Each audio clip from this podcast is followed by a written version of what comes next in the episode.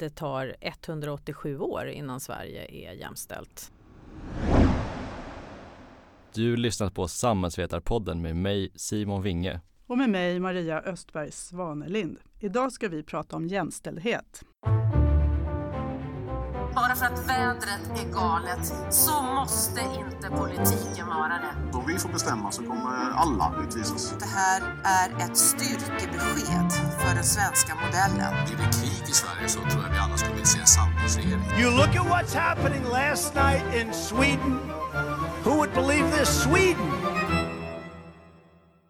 Hej och välkomna till Samhällsvetarpodden som idag leds av mig Simon Winge som är chefsekonom. Och av mig Maria Östberg Svanelind som är chef över den internationella verksamheten på Akademikerförbundet SSR. Vår gäst idag är generaldirektör på den nya jämställdhetsmyndigheten. Välkommen Lena Haag. Tack! Du har ju under många år haft världen som din arbetsplats och bland annat arbetat med jämställdhetsfrågor och kvinnofrågor internationellt.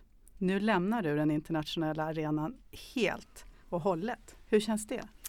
Ja, för mig känns det ju som att sluta en cirkel från det internationella till det nationella. Och jag har ju fått ett spännande och intressant eh, och utvecklande uppdrag nu eh, i att eh, leda och utveckla den nya jämställdhetsmyndigheten.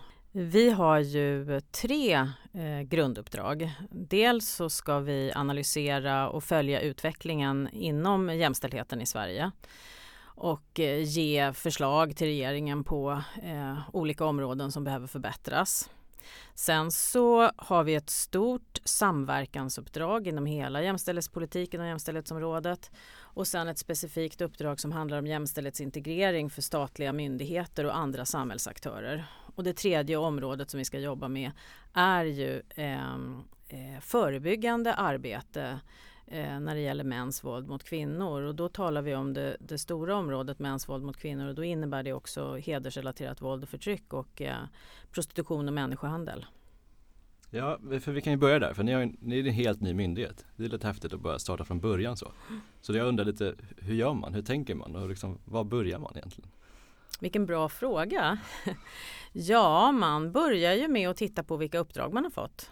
Och sen så bygger man myndigheten steg för steg och regeringens intention med myndigheten är ju att vi ska jobba nu strategiskt med jämställdhetsfrågor i Sverige, liksom sammanhållet och långsiktigt. Och då får man bygga myndigheten utifrån eh, de premisserna. Och vi är ju då en expertmyndighet som samlar experter från samhällslivets alla områden Eh, men med inriktning då naturligtvis på jämställdhetsfrågor. Så hos oss finns det mm, poliser, åklagare, samhällsvetare, nationalekonomer och, och genusvetare förstås. Eh. Just det, för, för då, är det, då har ni både ett brett uppdrag i regleringsbrevet men också de här ganska konkreta riktade uppdragen. Hur, hur sållar man mellan dem och hur mycket kan man göra av det här breda? Hur mycket måste det vara de direkta uppdragen? Så? Alltså jag, jag ser ju att våra, eh, våra uppdrag som vi har fått från regeringen i regleringsbrevet de är ju en direkt utlöpare utav våran instruktion, det vill mm. säga grunduppdragen. Så de liksom eh, fyller, ju, fyller ju den funktionen helt enkelt. Mm. Ja just det. Ni har ju ett gäng väl definierade uppdrag. Vi är lite ute efter det där, finns det, hur, hur stor frihet har man utöver det? Hur mycket resurser måste man lägga på på dem och hur mycket kan ni jobba liksom proaktivt med andra, ja, jag vet inte om de frågorna är större för ert uppdrag är ju så stort, men, men större frågorna att främja jämställdhetspolitiken mer allmänt.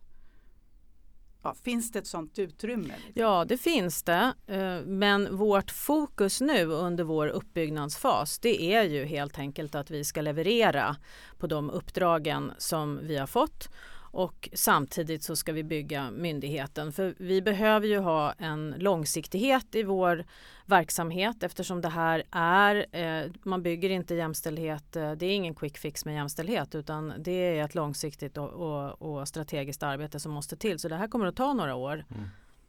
Men som fackförbund ser vi ofta att många av jämställdhetsproblemen börjar eller har sin grund i arbetsmarknaden och de ojämlikheter som finns där.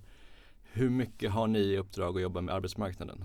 Alltså vi, dels så har vi ju det stora övergripande mm. kan man säga, målet för svensk jämställdhetspolitik. Att kvinnor och män, flickor och pojkar ska ha samma makt och inflytande mm. över sina liv och samhället.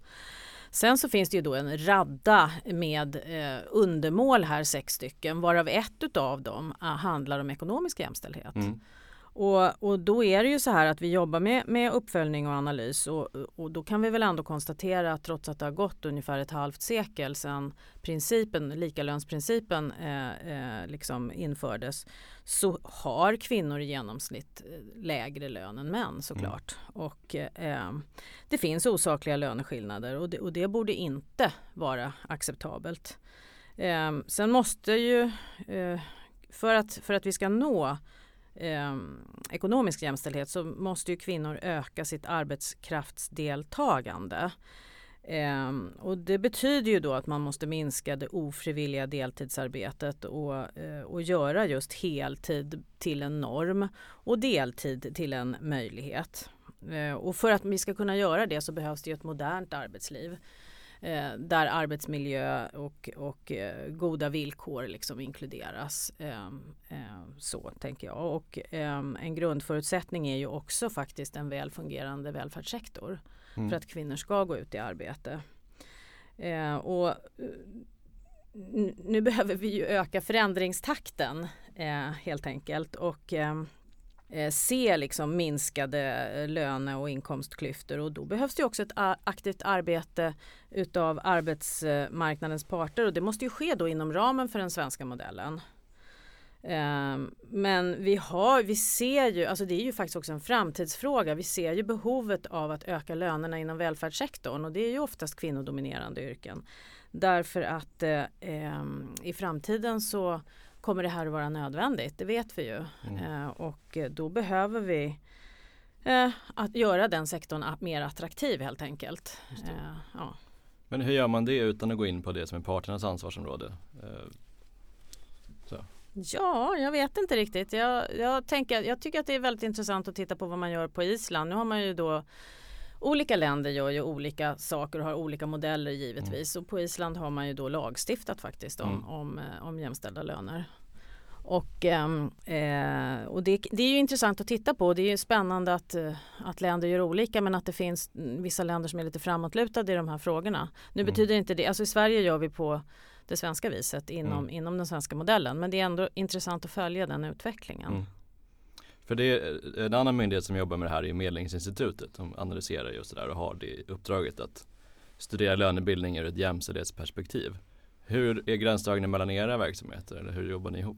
Ja, det är ju så här att de tittar ju just på lönerna mm. Eh, och lönegapet och de har ju gjort flera viktiga rapporter inom det här området. Vi tittar, vi tittar bredare, vårt uppdrag är bredare.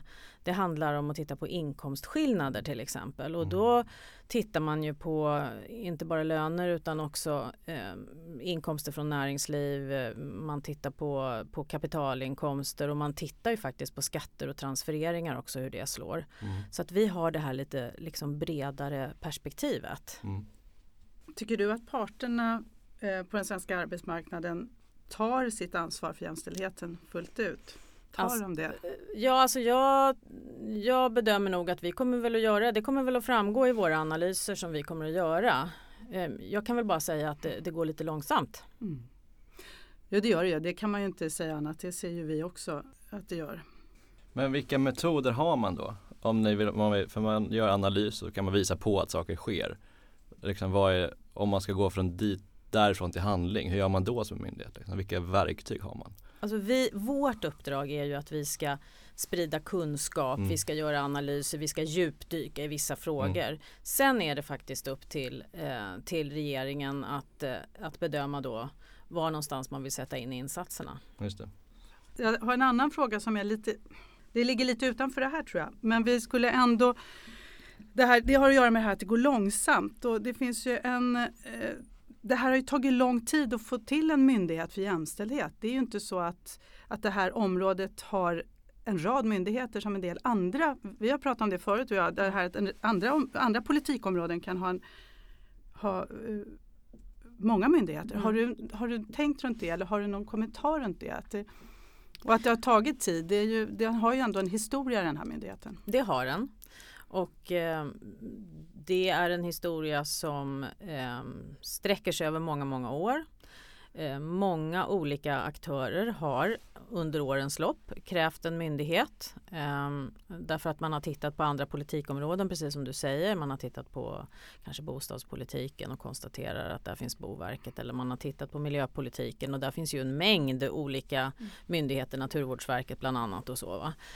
Och, eh, så att, och olika utredningar har då under årens lopp eh, lagt fram förslag om en myndighet. Och, och, och, det, som, det som gjorde att Jämställdhetsmyndigheten faktiskt kom till nu det var ju det att den förra eh, regeringen och eh, jämställdhetsminister Maria Arnholm som är liberal la, eh, satte igång en jämställdhetsutredning den kom fram till att det saknades liksom ett sammanhållet eh, och strategisk styr, en, en, styrning eh, utav jämställdhetspolitiken och föreslog en myndighet. Sen togs ju det förslaget upp utav den socialdemokratiska eh, jämställdhetsministern Åsa Regner som då drev igenom det här. Så att det, det är korrekt att det har, det har tagit lång tid och många människor har liksom, och organisationer och, och, och partier har krävt det här.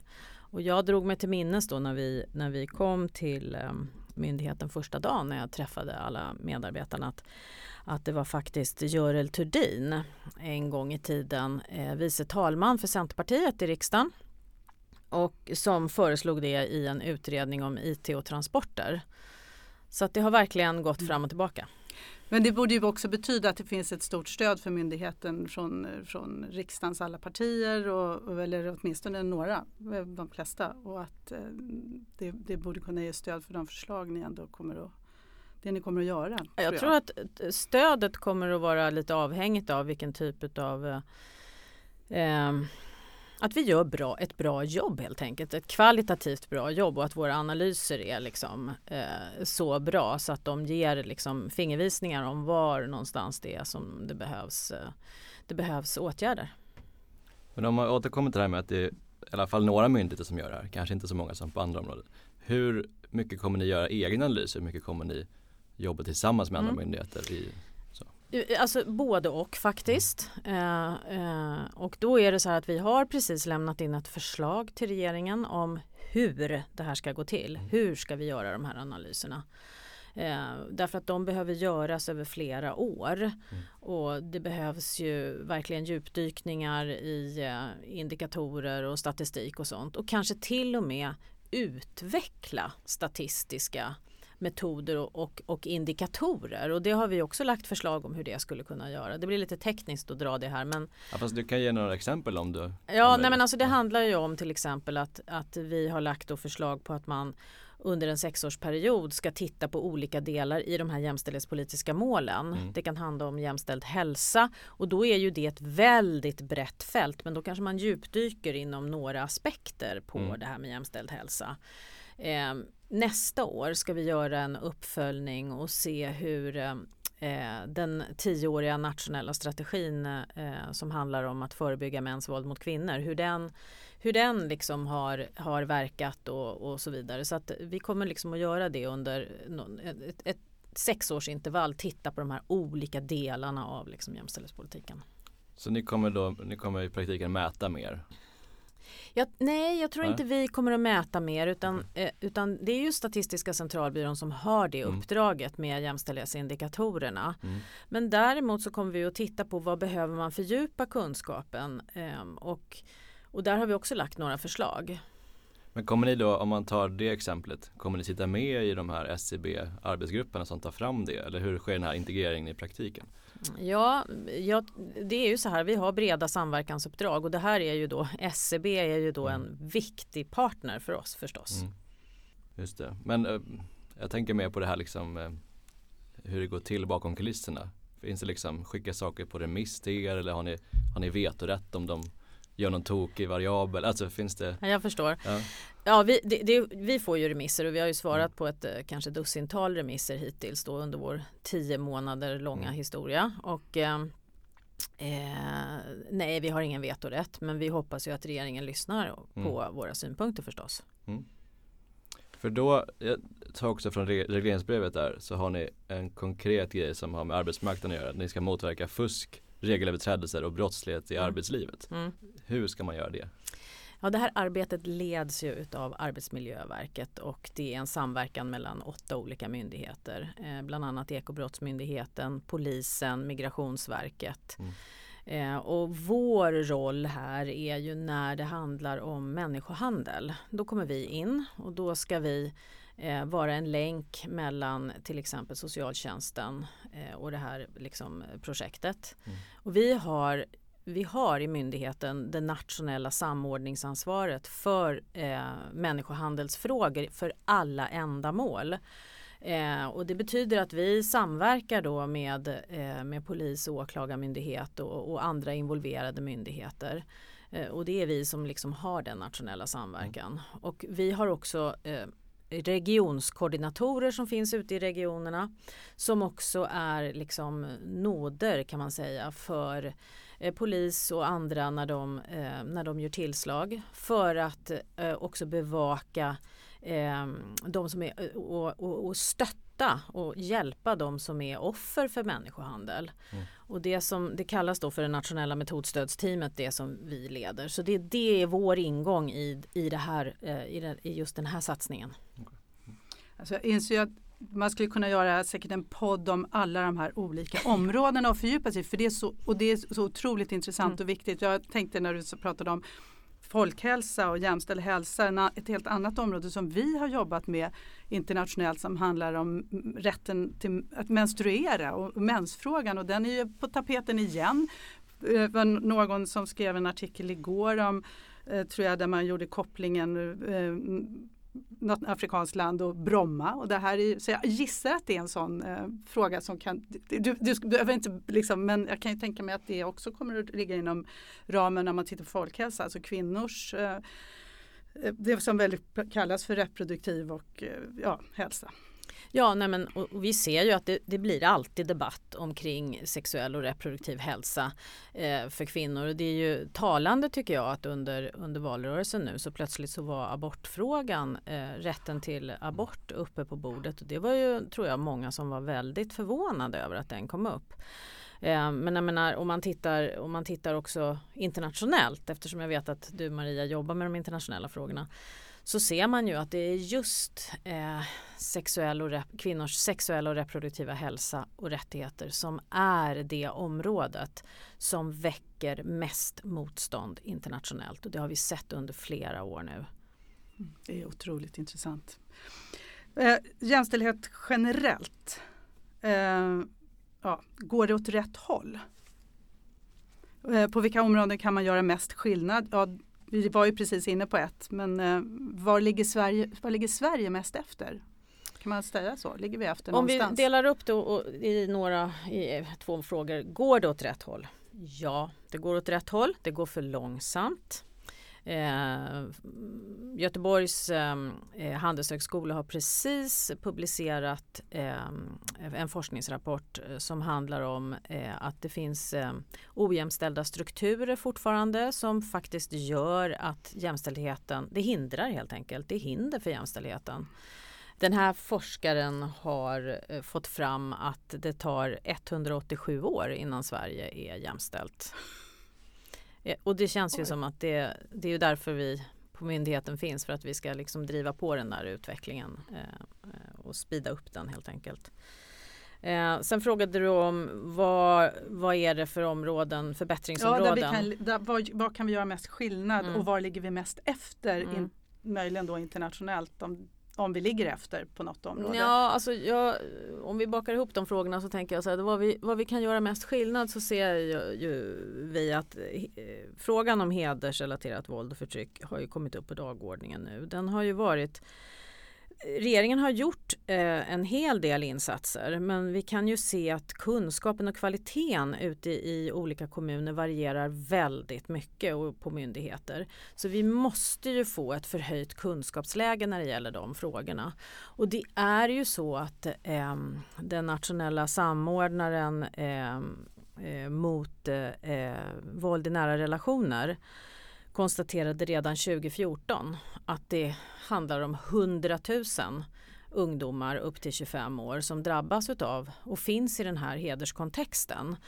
Och, och, det drabbar ju främst flickor men faktum är att även pojkar och män i den här kontexten eh, är, kan, kan vara utsatta på olika sätt och tvingas kanske till att kontrollera syskon och systrar och så vidare. Men det handlar främst om, om det handlar främst faktiskt om det som brukar kallas för vardagsheder. Att man begränsar flickor och kvinnors liksom rörelsefrihet. Man begränsar vilka de får umgås med, hur de ska vara klädda. Eh, kanske till och med avbryter utbildningar. Och sen har vi ju då de här mer liksom våldsamma uttrycken som handlar om barnäktenskap, könsstympning, tvångsäktenskap och så vidare. Och i och med att det drabbar väldigt många människor så måste ju vi från samhällets sida helt enkelt bli bättre eh, på de här frågorna. Och våra uppdrag i det här ehm, eh, i det här området handlar ju främst om prevention, alltså våldsförebyggande och det är inriktat mot eh, män och pojkar i hederskontext. Och det ingår ju då som en del utav regeringens tioåriga nationella strategi för att motverka mäns våld mot kvinnor. För där, du nämnde att ni har ett kunskapsuppdrag där i första hand. Men vad, vad, kan man göra bredare från samhället? Vad är liksom det viktigaste för att lösa det där, det där problemet? Mm. Vårt som sagt var uppdrag är just ja, kunskapsuppdrag och ja. sprida, sprida information mm. och sådana saker. Nej, men det är så många aktörer som mm. är involverade här. Det handlar ju om kunskap ute i kommunerna, socialtjänsten. Vi mm. hade ju nyligen ett exempel på i Göteborgs kommun hur flickor hade blivit eh, bortförda och inte kommit tillbaka efter eh, efter eh, semestern, skollovet och, och sådant. Och det, det, betyder ju inte att inte kommunerna gör saker, för det gör de. Mm. Men det behövs en ökad kunskap och vi behöver ju eh, liksom generellt i samhället ta ett lite större grepp här och liksom eh, eh, ta steg framåt i det här. Och, så, att, så att det är väldigt mycket kunskap och sen är det ju actionen naturligtvis. Mm. Du har ju en eh, jättelång erfarenhet av att jobba internationellt. Eh, jag tänkte att fråga lite om dina erfarenheter från Kvinna till kvinna som ju ändå är en, en civilsamhällesorganisation som man ibland också hävdar att fackliga organisationer är och därför kanske vi kan lära något av er.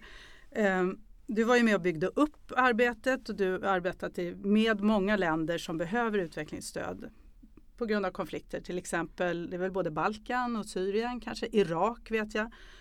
Ehm, Finns det något som vi kan lära oss i Sverige som civilsamhällesorganisation? Finns det, finns det något, som, något råd du kan ge oss i det där arbetet som är liksom, eh, hanterbart och något som är viktigt för oss att ta med i det fackliga arbetet?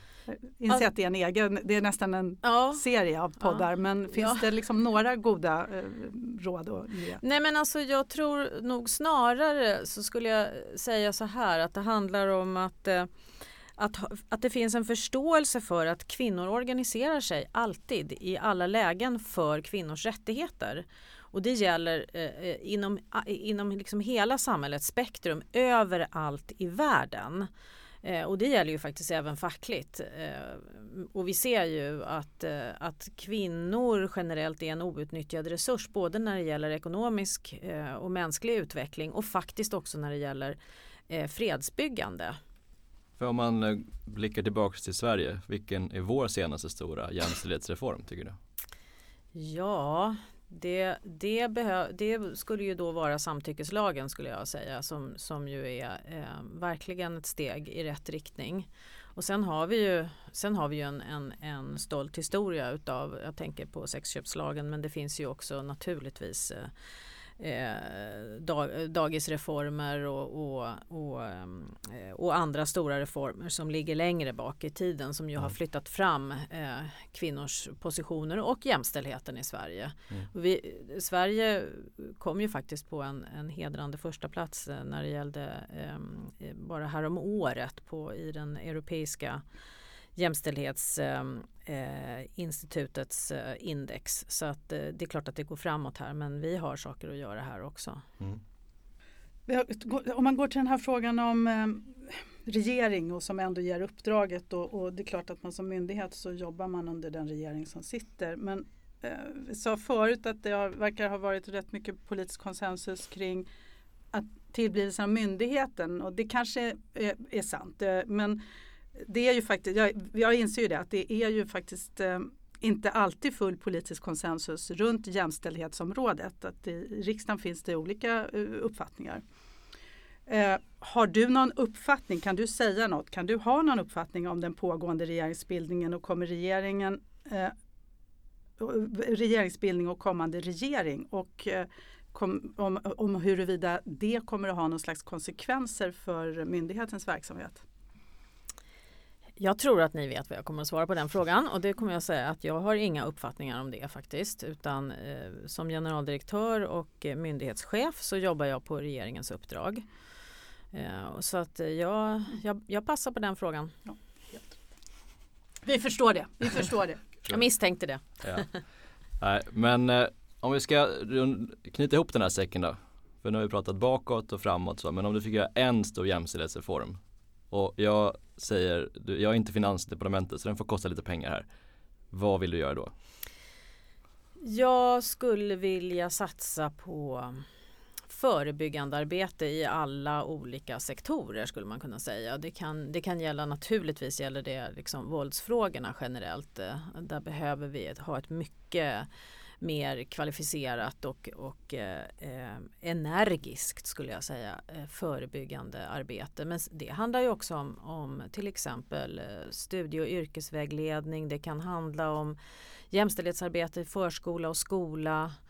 Ehm, eh, och till exempel så är det viktigt att förebygga ehm, eh, all, de här stora sjukskrivningstalen som finns för kvinnor då genom att jobba med arbetsmiljöfrågor och den typen av frågor. Och sen har du ju hela, hela eh, diskussionen kring just eh, kvinnolönerna och, och och som sagt vad det är ju framtidsfrågor eftersom välfärdssektorn kommer att växa och den måste vara attraktiv för, eh, för flera helt enkelt. Så en stor påse pengar till välfärdssektorn, är det En stor påse pengar till det förebyggande arbetet. Mm. Men jag vill ändå slänga in här en det är pågående regeringsbildning och så. Ser du en risk att det jämställdhetspolitiska arbetet hamnar i skymundan i den debatt som råder nu? Jag vet inte vilka sakfrågor som egentligen är uppe på bordet ja. just nu faktiskt. Så att, eh, men vi kan väl ändå vi, vi, kan väl konstatera att jämställdhetsfrågorna var väljarnas tredje viktigaste fråga under eh, efter precis efter valet. Eh, SVTs eh, valundersökning visade ju det. Mm. Men ser du att politiken möter upp från den, det behovet av politik? Alltså Jämställdhetsmyndigheten finns ju nu. Mm. Det är ju ett sätt att möta upp mm. de frågorna. Ja, men eh, då får jag tacka så jättemycket. Är det något du tycker vi har glömt att fråga eller är det något du vill lägga till? Oj, vi, hur, länge, hur lång tid har vi? Nej men tack ja. så jättemycket för ja. att ni ville, ville eh, få hit mig och att jag fick vara här och berätta lite mm. om vad vi gör. Ja, och jag önskar lycka till i det fortsatta arbetet. Mm, tack. Mm. Det var allt från Samhällsvetarpodden den här veckan. Samhällsvetarpodden görs varannan vecka och fångar upp samhällspolitiska frågor, helst med facklig twist. Prenumerera gärna på oss på de ställen där du hittar dina podcasts. Samhällsvetarpodden görs av Akademikerförbundet SSR, Sveriges ledande samhällsvetarförbund.